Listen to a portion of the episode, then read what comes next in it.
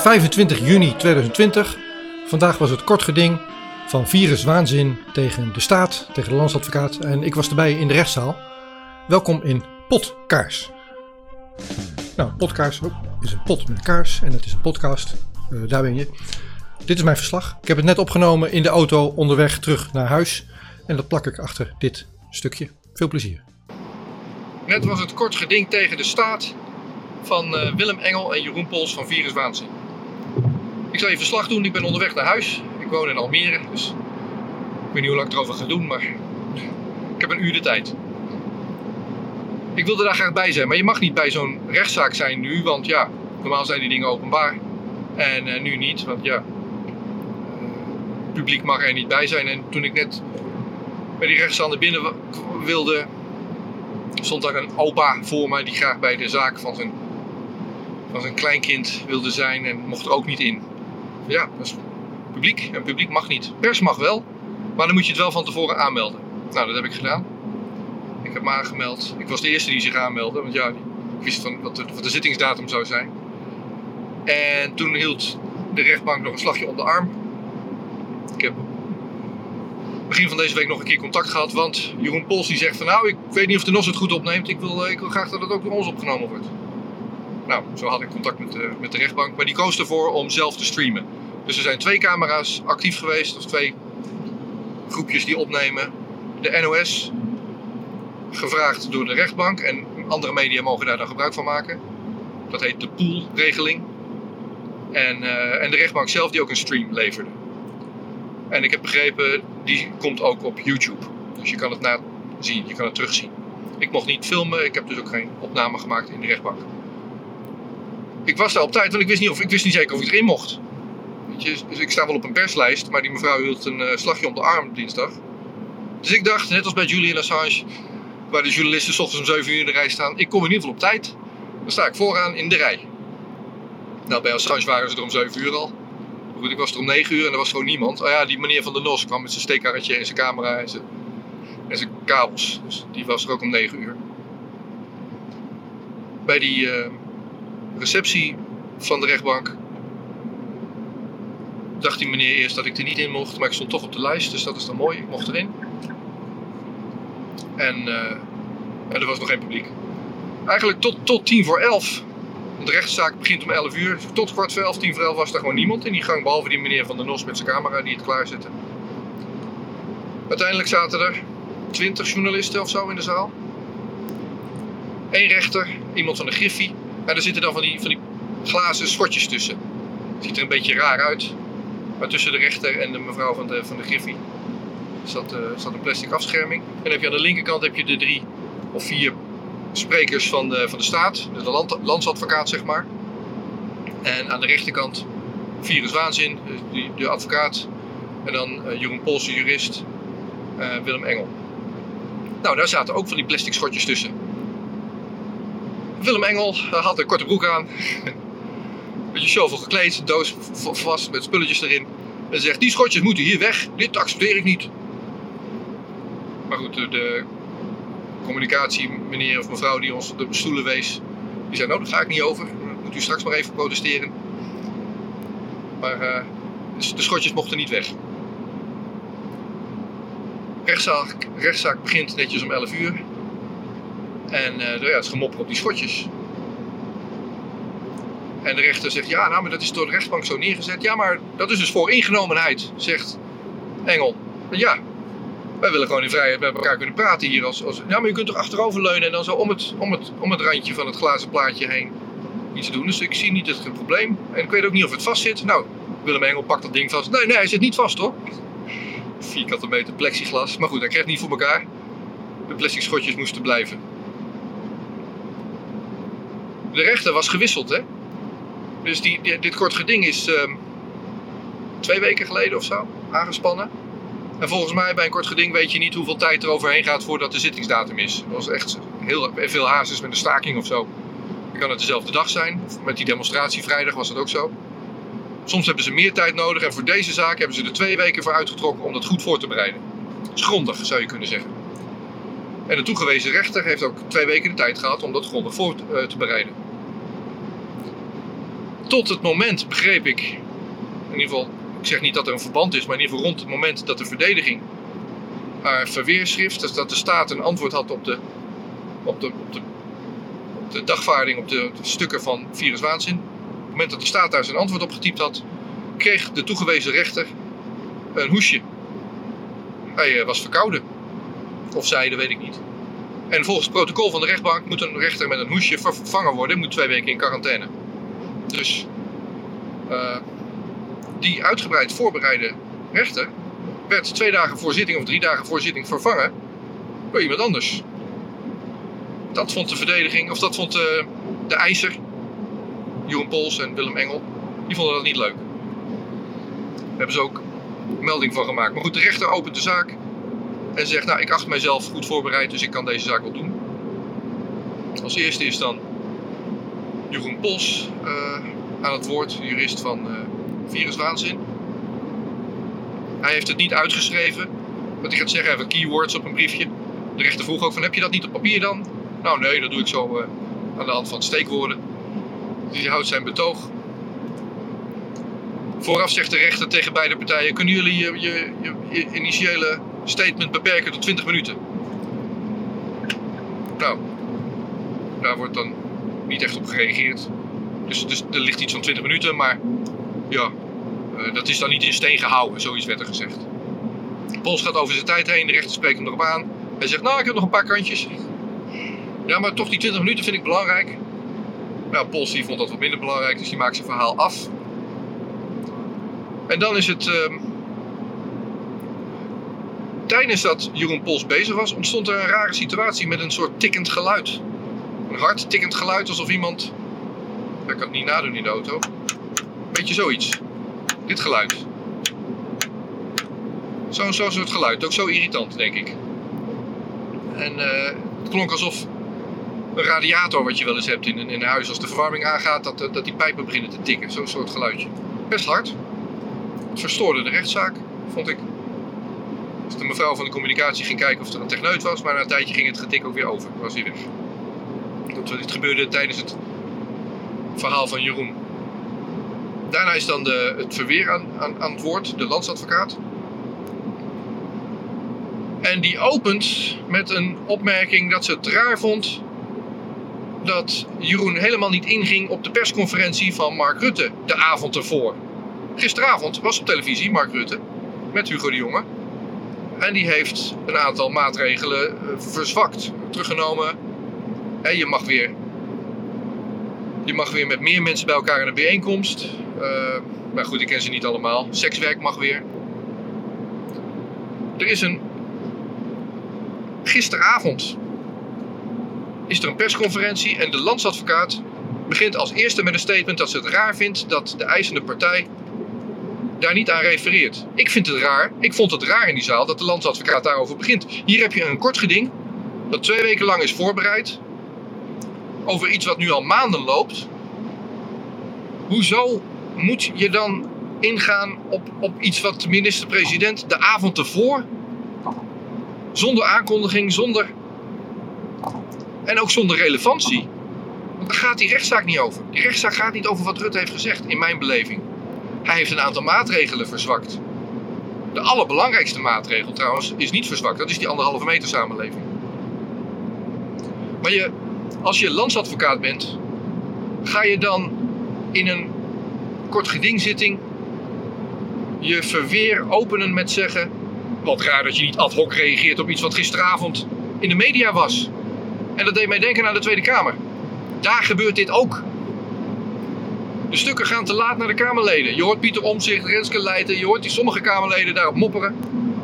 Het lijkt wel beleid van Rutte, van het kabinet, om sommige stukken te laat, op het laatste moment, te leveren. Zodat je alleen maar door de hele nacht te blijven lezen je goed kan voorbereiden op het debat in de Tweede Kamer. En precies hetzelfde gebeurde hier in dit kort geding. Rutte maakt een statement de avond voor de rechtszaak en de landsadvocaat zegt: Wat raar dat je niet reageert op dat statement. En vervolgens gaat die landsadvocaat daarop in.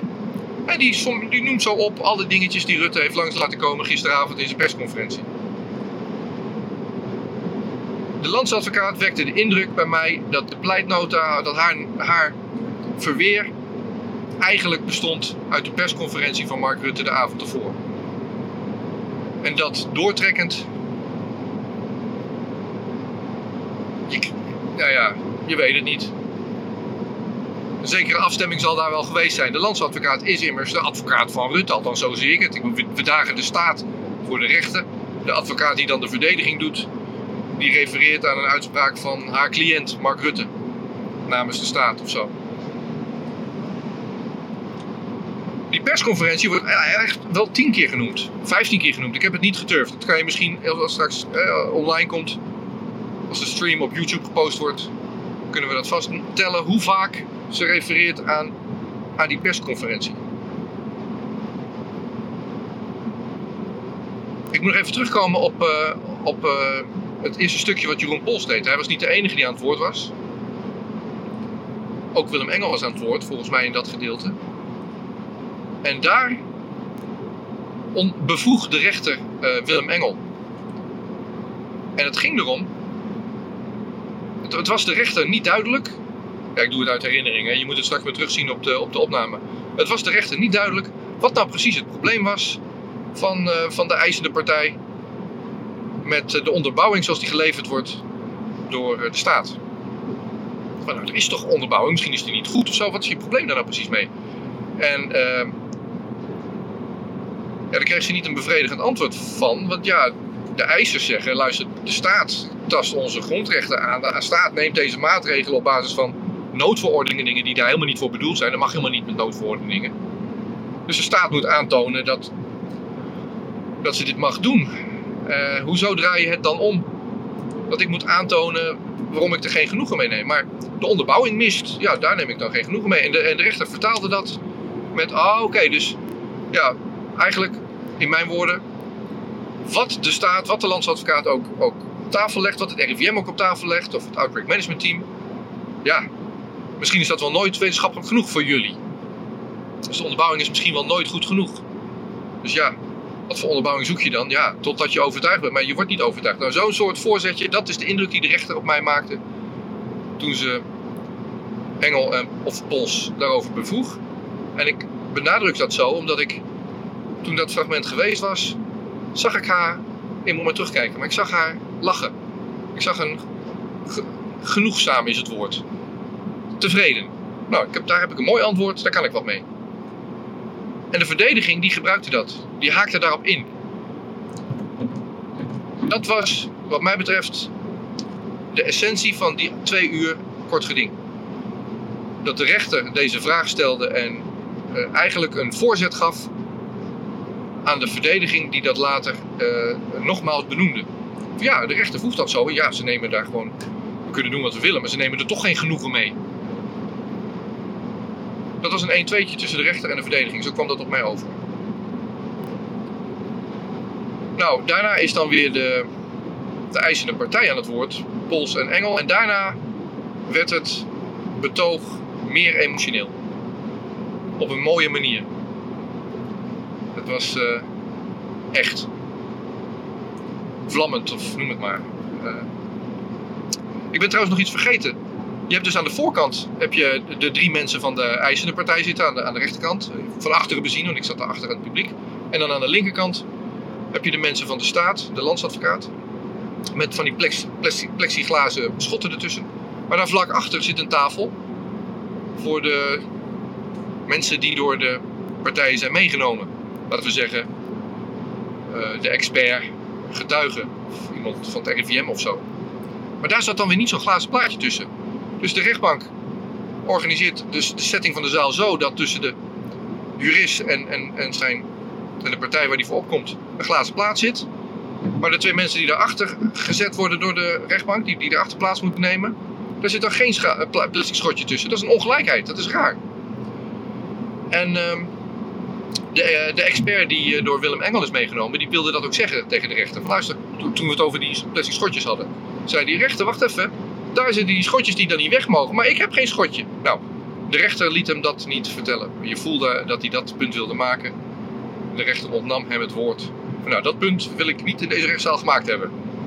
Hoorde ik haar denken. Ze zei het niet. Maar het is raar dat er schotjes zitten tussen sommige mensen en niet schotjes tussen andere mensen. De publieksruimte daar weer achter. Dat was, uh, ja, uh, heel veel stoeltjes waren afgeplakt van uh, dit is geen zitplaats. En dan een paar stoeltjes mocht je wel op zitten. Netjes met, met die anderhalve meter regel. Er waren 60 lege stoelen. Er waren 20 of zo. journalisten neem ik dan aan. Ik denk minder dan 20 eigenlijk. En dan die mensen van de stream, van de rechtszaal en de mensen en, van de NOS. Die de pool deden. Oké, we zijn in, in het kort geding dan. In het, mijn verslag van kort geding zijn we bij... Uh, we hebben de eisers gehad, we hebben de landsadvocaat gehad en dan is het woord weer aan de eisers. En dan wordt het meer emotioneel.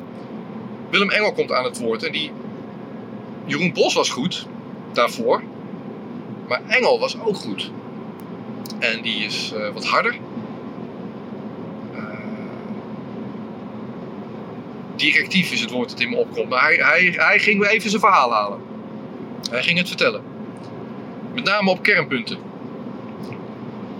Maar luister, wat is, hoeveel mensen die ziek worden, gaan er dan aan dood? En als je eraan dood gaat, ga je dan dood aan corona of ga je dood aan iets anders, maar noem je het corona? Wat zijn nou de cijfers? En je voelt daar frustratie in, want dat zijn de getallen die het RIVM en Rutte nooit genoemd hebben. En de echte cijfers, voor zover die er zijn, zijn ook genoemd in die zaal. Er zijn 80 mensen ongeveer. En Engel zei ook, nou RIVM corrigeer me maar, misschien zit ik er twee naast. Misschien zijn er 82. Er zijn 80 mensen in Nederland overleden aan corona. Dat zijn dan mensen die, die dat coronavirus hadden, die eraan dood gegaan zijn. En waarvan geen bijkomende uh, factoren zijn vastgesteld. Zoals leeftijd of... Uh, overgewicht of zo. En het andere voorbeeld wat genoemd werd is. Uh, nou, ik ga ze niet opzoomen, dat moet je maar in, in de stream kijken. Engel onderbrak ook af en toe de rechter. Nou, ligt een beetje aan de rechter, denk ik. Maar op een gegeven moment uh, wekte haar irritatie wel. Zei ze ook van, nou, dan moet je ophouden met het onderbreken. In mijn woorden. Ze zei het iets anders. Want anders ontneem ik je het woord. Dit gaat zo niet. Maar Engel stond erop dat die vraag van wat is nou de fatality rate dan? Dat moet het RIVM, dat moet de, landsadvocaat nu toch maar eens een keertje zeggen. Hoeveel mensen gaan er dood aan corona? Die vraag. En Engel kreeg het voor elkaar dat de rechter die vraag stelde aan de landsadvocaat. Die heeft dan even ruggespraak. Gaat even achterover, achter het plexiglas dingetje. Overlegt met de collega. En het antwoord van de staat is: dat is geen juridisch argument. We hebben hier een rechtszaak dus dat getal, ja, we kunnen hier wel over allemaal technische details gaan hebben of zo, maar dat getal, dat is niet, uh, dat getal werd niet beantwoord. De rechtstreekse vraag van de rechter over de fatality rate is echt expliciet gesteld met hangen en wurgen, want Engel deed echt zijn best om die vraag gesteld te krijgen, is ook gesteld, werd niet beantwoord. Ik kreeg de indruk dat de eisende partij, viruswaanzin, een eh, soort nieuw feit of een nieuw wetenswaardigheid in deze rechtszaak wilde inbrengen. Ik had er nog niet eerder van gehoord. En ze hadden ook een, uh, een expert meegenomen. En uh, nu weet ik even niet. Oh, ik, weet zijn naam niet uit mijn hoofd. Ik zal het opschrijven hieronder. Oudere man. Dikke buik. Hij zegt ook, ik zit in de risicocategorie. Waarom zit er bij mij geen plastic schotje tussen, zei hij later. Die mocht niet aan het woord. Dit was raar. Willem Engel zegt: luister, we hebben hier nieuwe informatie en ik zou graag daarvoor mijn expertgetuige aan het woord geven, deze wetenschapper. En de rechter stond dat niet toe. Nou weet ik niet of in een kort geding je geen experts mee mag nemen, maar die meneer was toegelaten. Hij is in die zaal. En het is door de rechter toegestaan om, om op die plek te gaan zitten namens de eisende partij. Dus hij is daar. Waarom mag hij dan niks zeggen? Dat is raar. En Engel zegt, ja maar hij kan het beter uitleggen, hij is wetenschapper. De rechter zei zoiets later. Van ja, maar ik hoef daar niet van overtuigd te worden of zo. Dat was ook raar. Ik hoef niet van het wetenschappelijk bewijs overtuigd te worden, zoiets. Ik wil dat u het zegt, meneer Engel. Niet die expert. Oké, als mijn expert niet aan het woord mag, dan, eh, dan zal ik het wel vertellen, dacht Willem Engel. En die vertelt dan de schadelijke gevolgen van die anderhalve meter samenleving. Daar was het om te doen. Wat is, er, wat is het probleem met die anderhalve meter samenleving? En de landsadvocaat die stelt de vraag: jullie hebben het steeds over grondrechten, maar het, wordt niet, het is mij niet duidelijk welke grondrechten dan. Maar er is een ander probleem ook met die anderhalve meter afspraken, opdrachten of zo, die anderhalve meter samenleving. En dat probleem omschreef Willem Engel dan in zijn woorden, omdat zijn wetenschapper niet aan het woord mocht. En hij zegt: als je mensen hun sociaal contact ontneemt, als je ze dwingt afstand te houden, dan levert dat meetbare, tastbare gezondheidsgevolgen op. Biologische gevolgen levert dat op. Dat, daar word je ongezond van. Net zoals veel stress je ongezond maakt. Net zoals gebrek aan zonlicht je ongezond maakt. Net zoals tekort aan nachtrust je on... Ik, dit zijn mijn woorden. Ik weet niet of ze in de rechtszaal zo genoemd zijn, maar zo kwam het op mij over. Als je mensen dwingt afstand te houden van elkaar en elkaar niet een knuffel te geven, een hand te geven, samen te zijn, elkaar op te zoeken, elkaar te troosten, elkaar lief te hebben. Als je dat allemaal ontneemt, dan geeft dat meetbare biologische schade. Niet alleen heeft Mark Rutte met dit beleid een gigantische economische schade veroorzaakt, en ook dat punt is gemaakt. Een gigantische financiële schade veroorzaakt, maar ook een, een enorme psycho- eh, en biologische schade. En wat is dan die schade? Nou, dat kan je testen. Je kan het testen bijvoorbeeld op uh, muizen of andere testdieren. Je kan zien wat er gebeurt als je ze onder, onder stress legt. En de woorden die in die rechtszaal gebruikt zijn, zijn uh, het effect van die anderhalve meter samenleving. Lijkt wel wat op het effect wat je hebt als je mensen martelt. Lijkt wel op het effect van waterboarding. Ik was bij die rechtszaak over de uitlevering van Julian Assange in Londen. Eind februari, vlak voor de lockdown. Assange werd in een kogelvrije kooi gezet achter in de rechtszaal. De man heeft dan al een jaar in isolatie gezeten in het zwaarst bewaakte regime van uh, Engeland. In isolatie. Een jaar lang, nadat hij twaalf jaar lang in huisarrest heeft gezeten. De Verenigde Naties rapporteur voor martelen heeft gezegd... Assange is systematisch gemarteld. Willekeurige opsluiting. Dit zijn allemaal rapporten vanuit de Verenigde Naties die gestuurd zijn naar Amerika, naar Engeland, naar Zweden, naar Ecuador. Assange is gemarteld. Die Assange moet in zijn eigen uitleveringsrechtszaak achter kogelvrij glas achter in de rechtszaal plaatsvinden terwijl het over hem gaat. Hij is de gedaagde. Hij mag niet zitten naast zijn advocaat. Hij mag hem niet aanraken. Hij mocht hem ook geen hand geven toen die advocaat, een van zijn advocatenteam, terug naar Spanje moest voor een andere afspraak. Die manier van omgaan met Assange in die uitleveringszaak en als de man naar Amerika gaat, gaat hij daar dood. Als hij niet doodgaat in Engeland in een eenzame opsluiting, dan gaat hij dood in de Verenigde Staten. Hij wordt doodgemarteld. Daar deed men aan denken toen Engel zei: de anderhalve meter samenleving is ook een vorm van martelen. Je maakt mensen psychisch en lichamelijk, doe je ze schade aan. Rutte doet mensen psychisch en lichamelijk schade aan. Even los van als je een intensive care unit reserveert, ook al zijn er geen patiënten, maar je reserveert hem voor corona. En andere patiënten die nu een operatie nodig hebben, mogen niet, want ja, gereserveerd voor corona, dus dan mag het niet. Daar doe je ook schade mee aan. Dat punt werd ook gemaakt in de rechtszaal. Dat de schade van, uh, van de maatregelen misschien nog wel veel groter zijn. En de komende jaren veel zwaarder gevoeld worden dan, uh, dan de, de rechtstreekse coronadoden. De psychologische en lichamelijke schade, ja, die, die, die is onderbouwd, zegt, zegt, uh, zegt Engel.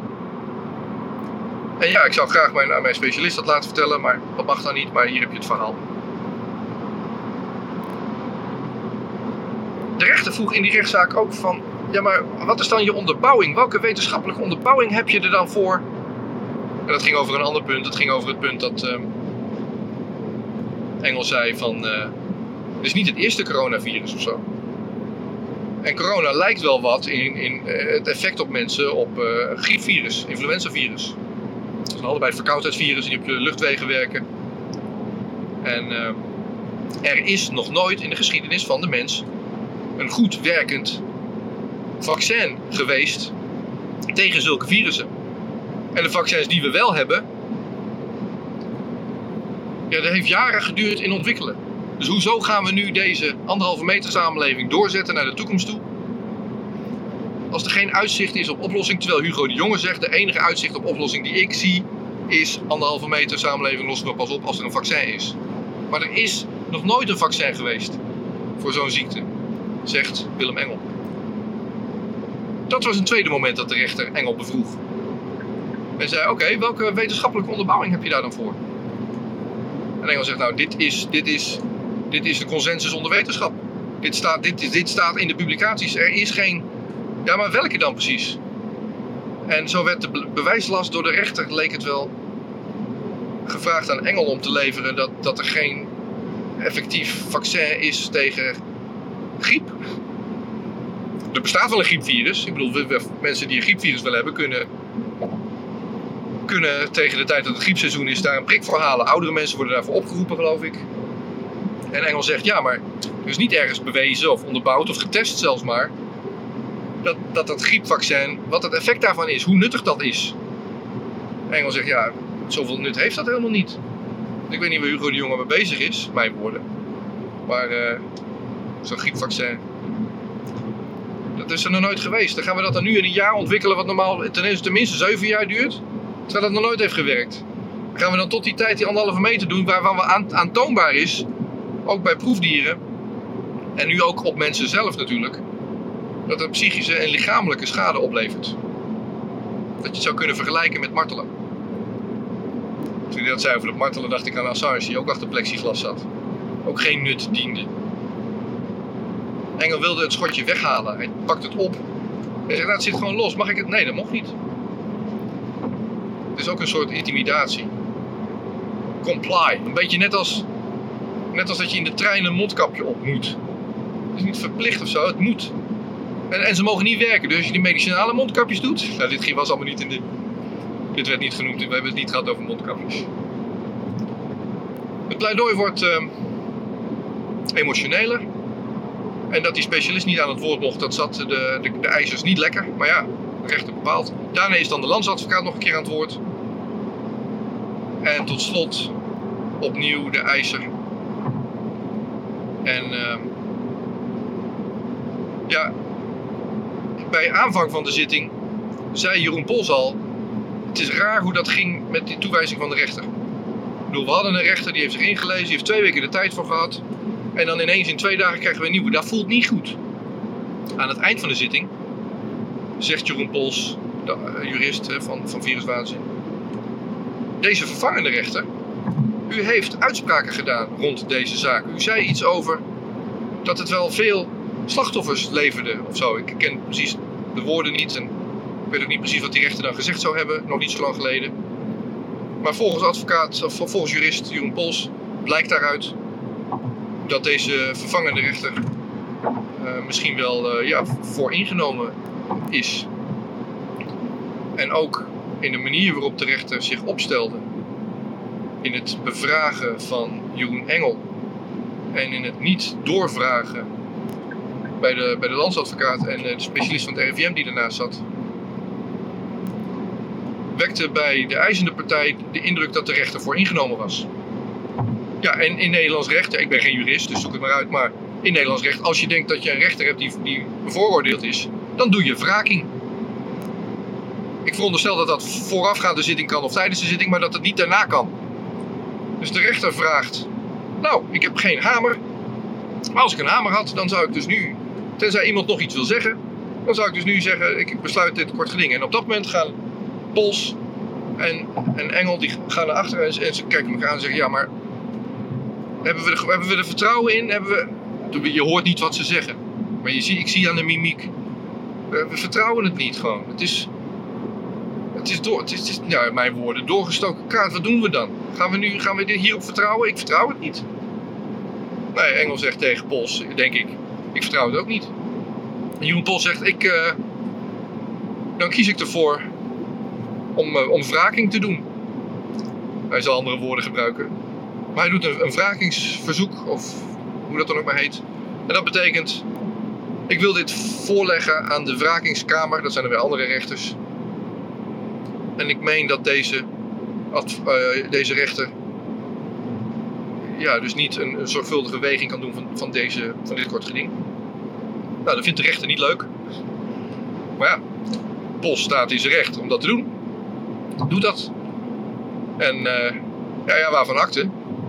Dus dan, eh, ja, dan wordt de rechtszaak wel gesloten. Maar, of zo, maar wordt doorgelegd naar de wrakingskamer. En als Pols in, in gelijk gesteld wordt, veronderstel ik dat het kort geding dan over moet. Nou, misschien dat dan de rechter met dat kuchje is hersteld van zijn kuchje. Overigens, in het hoogtepunt van die, van die coronacrisis, hè. Honderden, duizenden, tienduizenden, honderdduizenden tests worden gedaan. In Zuid-Korea is er een drive-through test. Je kan als, als, als een soort McDonald's kan je je laten testen of je corona hebt. Maar als er een jurist, nee pardon, als er een rechter een hoesje hebt, heeft, dan hoeft hij niet te worden getest op corona. Hij heeft zich voorbereid op de zaak. Testen we hem dan niet of haar op corona om te kijken of hij de zaak kan doen? Is een hoesje genoeg om een rechter die zich heeft voorbereid van de zaak af te halen, een onvoorbereide rechter die geen hoesje heeft op te zetten? Dat is raar. Dat is een slechte keuze met hoe we het recht hebben ingericht in Nederland. Hoe we omgaan met die coronamaatregelen. Als je in Zuid-Korea je kan testen of je cor- corona hebt of niet met een drive-through teststraat,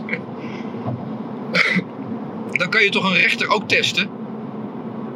En tijdens de zitting zegt de vervangende rechter, die zegt, nou, ik heb goed nieuws en slecht nieuws. Slechte nieuws is, ja, er is een nieuwe rechter toegewezen, dat is ons protocol. Het goede nieuws is, hij is inmiddels getest en hij heeft geen corona. Het is geen, hij heeft alleen een hoesje. En die uitspraak heeft Engel ook de landsadvocaat en de specialist van het RIVM ontlokt. Dat er geen mensen aan corona zijn doodgegaan. Ja, 80 of 82. Maar niet, eh, niet de duizenden die worden opgevoerd en wat je elke dag in het nieuws hebt gehoord. Dat is krachtig, dat is sterk. Engel is goed. Dat heeft hij goed gedaan. En dat is nu voor het eerst zo hardop gezegd in deze rechtszaal. Da- Dat maakt dit een rechtszaak. Misschien wel de rechtszaak van het jaar. Het is wat als je de staat voor de rechter daagt. En pas daar kan je eindelijk de vraag stellen aan de partij die onze minister-president adviseert. Rutte laat zich adviseren door het Outbreak Management Team waar het RIVM, dat het door het RIVM is samengesteld. Waar geen notulen van gemaakt worden, waar mensen die erin zitten, de mensen in het Outbreak Management Team, tekenen een geheimhoudingsverklaring.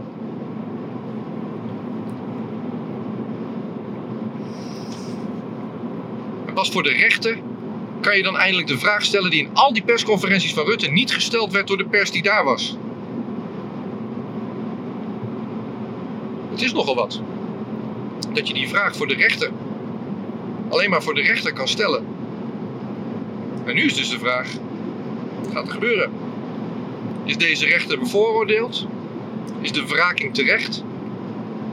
Of wordt deze rechter geacht onbevooroordeeld te zijn? En als de rechter onbevooroordeeld is, volgens de wrakenkamer, wat vervolgens gaat de rechter dan wijzen? Dit is mijn indruk van dit verhaal. Ik ben wel eens eerder in de, in de rechtbank in Den Haag geweest. Daar was dan niemand bij. Dan was het leeg. Nu stonden er honderden mensen buiten Willem Engel toe te zingen. Superleuk. Leuk dat iedereen die daar was, en er zullen vast ook bloemen liggen bij andere rechtsgebouwen in Nederland. Superleuk dat mensen dat doen. Het is echt, na al die maanden waarin je elkaar geen... Oh ja, ook zo'n daad van verzet, weet je. Dat je elkaar gewoon, het zal ook op foto staan, voor die rechtbank met die honderden mensen eromheen die allemaal geen anderhalve meter houden. Dat je Jeroen en Willem Die andere mensen dat die gewoon een knuffel geeft en zegt nou, dit, dit ging goed, we hebben het goed gedaan, dit is wat je doet. In die rechtszaal is gezegd, Rutte maakt dit beleid, dat is niet goed, slecht beleid. De Tweede Kamer moet het controleren, doet ze niet. Dat is niet goed, geen goede Tweede Kamer. We hebben hier als politica, bescheiding van de machten. Wat de politie heeft gedaan, de uitvoerende macht, zondag was niet oké. De Tweede Kamer controleert Rutte niet zoals ik dat zou doen. Is niet oké. Rutte maakt beleid, is ook niet oké. En dan de rechtspraak. Dat is wat Engel of Pols de week niet. Die waren, ze waren allebei goed. Dat was ook vroeger. Nou rechter, ben jij wel oké? Ga jij dit hier dan onafhankelijk wegen of niet? En in de laatste minuut, als dit dan een voetbalwedstrijd is, vlak voordat we afgefloten zeggen ze we vertrouwen de, de rechter niet. We vragen wraking aan. Wordt vervolgd. Superleuk dat ik erbij kon zijn. Als pers, journalist. Ik denk dat Virus Wazen nog wel even blijft. Ik zou zeggen, deel dat dan. Weet je, weet, je hoe, weet je waarom gisteravond Rutte die persconferentie hield? Weet je waarom die persconferentie als een soort pleitnota, of hoe dat ook maar heet, als een soort verweerschrift door de landsadvocaat is opgevoerd? Weet je waarom de rechter misschien wel een 1-2'tje deed met de verdediging? Dat komt door jullie. Dat komt door die duizenden mensen op het Malieveld. Dat komt door dat onderzoek van Maurice de Hond. Dat komt door al die media die niet op Hilversum zitten, maar wel verslag doen. Dat komt door mijn kleine podcast. Dat komt door Adam Curry in Amerika. Dat komt door Weltsmets. Dat komt door al die andere kanalen. En dat komt door al die mensen die er naar kijken en die het delen. Dus wat jij moet doen. Ja, je moet het zelf weten. Als je vandaag geen bloemetje hebt gelegd. Dat je moest werken. Dat je niet kon omdat het niet in jouw stad is. Dat je er niet bij was op Malieveld omdat je het eng vindt. Omdat je denkt, ja de burgemeester verbiedt het. Ik houd me er gewoon aan. Dat is allemaal oké. Maar als je denkt dat wat virus waanzin doet oké is. En als je denkt dat wat de Tweede Kamer of de, het beleid van Rutte, als je denkt dat het niet oké is. Weet je wat je dan doet? Dan deel je dan deel je de berichten van zo'n club als Virus Waanzin en andere mensen die op inhoud proberen te, de, te, aan te geven wat er dan niet goed is en hoe het dan moet. Hoe meer mensen het zien, dit is, dit is volksvertegenwoordiging. Hoe meer mensen het zien, hoe meer mensen er wat mee doen, hoe meer er naar geluisterd wordt. Uiteindelijk, je kan mopperen op de Tweede Kamer, doe ik ook, maar uiteindelijk is het echt een volksvertegenwoordiging. Er zijn 150 mensen die vertegenwoordigen wat jij doet. Dus als jij het niet eens bent met Rutte, zorg dan dat 17,4 miljoen, of hoeveel mensen ook maar in Nederland wonen, zorg dat al die mensen het er niet mee eens zijn. En een half miljoen zijn het er al niet mee eens. Gisteren leverden we de, die petitie. We mochten niet op het Binnenhof, we mochten niet op het Malieveld. Nou, dan gaan we op de Hofvijver zitten. Zo dicht bij het Binnenhof als we kunnen zitten. Uh, bijna een half miljoen handtekeningen. Dat is best veel. Het zijn flink wat kamerzetels. Als er nu verkiezingen zouden zijn. Deel dit soort filmpjes dan. Zorg dat andere mensen ook naar die viruswaanzin uh, uh, informatie gaan kijken. Naar Maurice de Hond gaan kijken. Naar dit soort interviews gaan kijken. Naar Welsmets gaan kijken. Moet eens kijken wat er gebeurt. En als er gevraagd wordt, dan moet er kort geding over. Ik kan niet wachten. Nou, nu zijn we in Almere. Je hoeft niet te weten waar ik woon. Tot de volgende keer. Yes, we came, we saw, he died.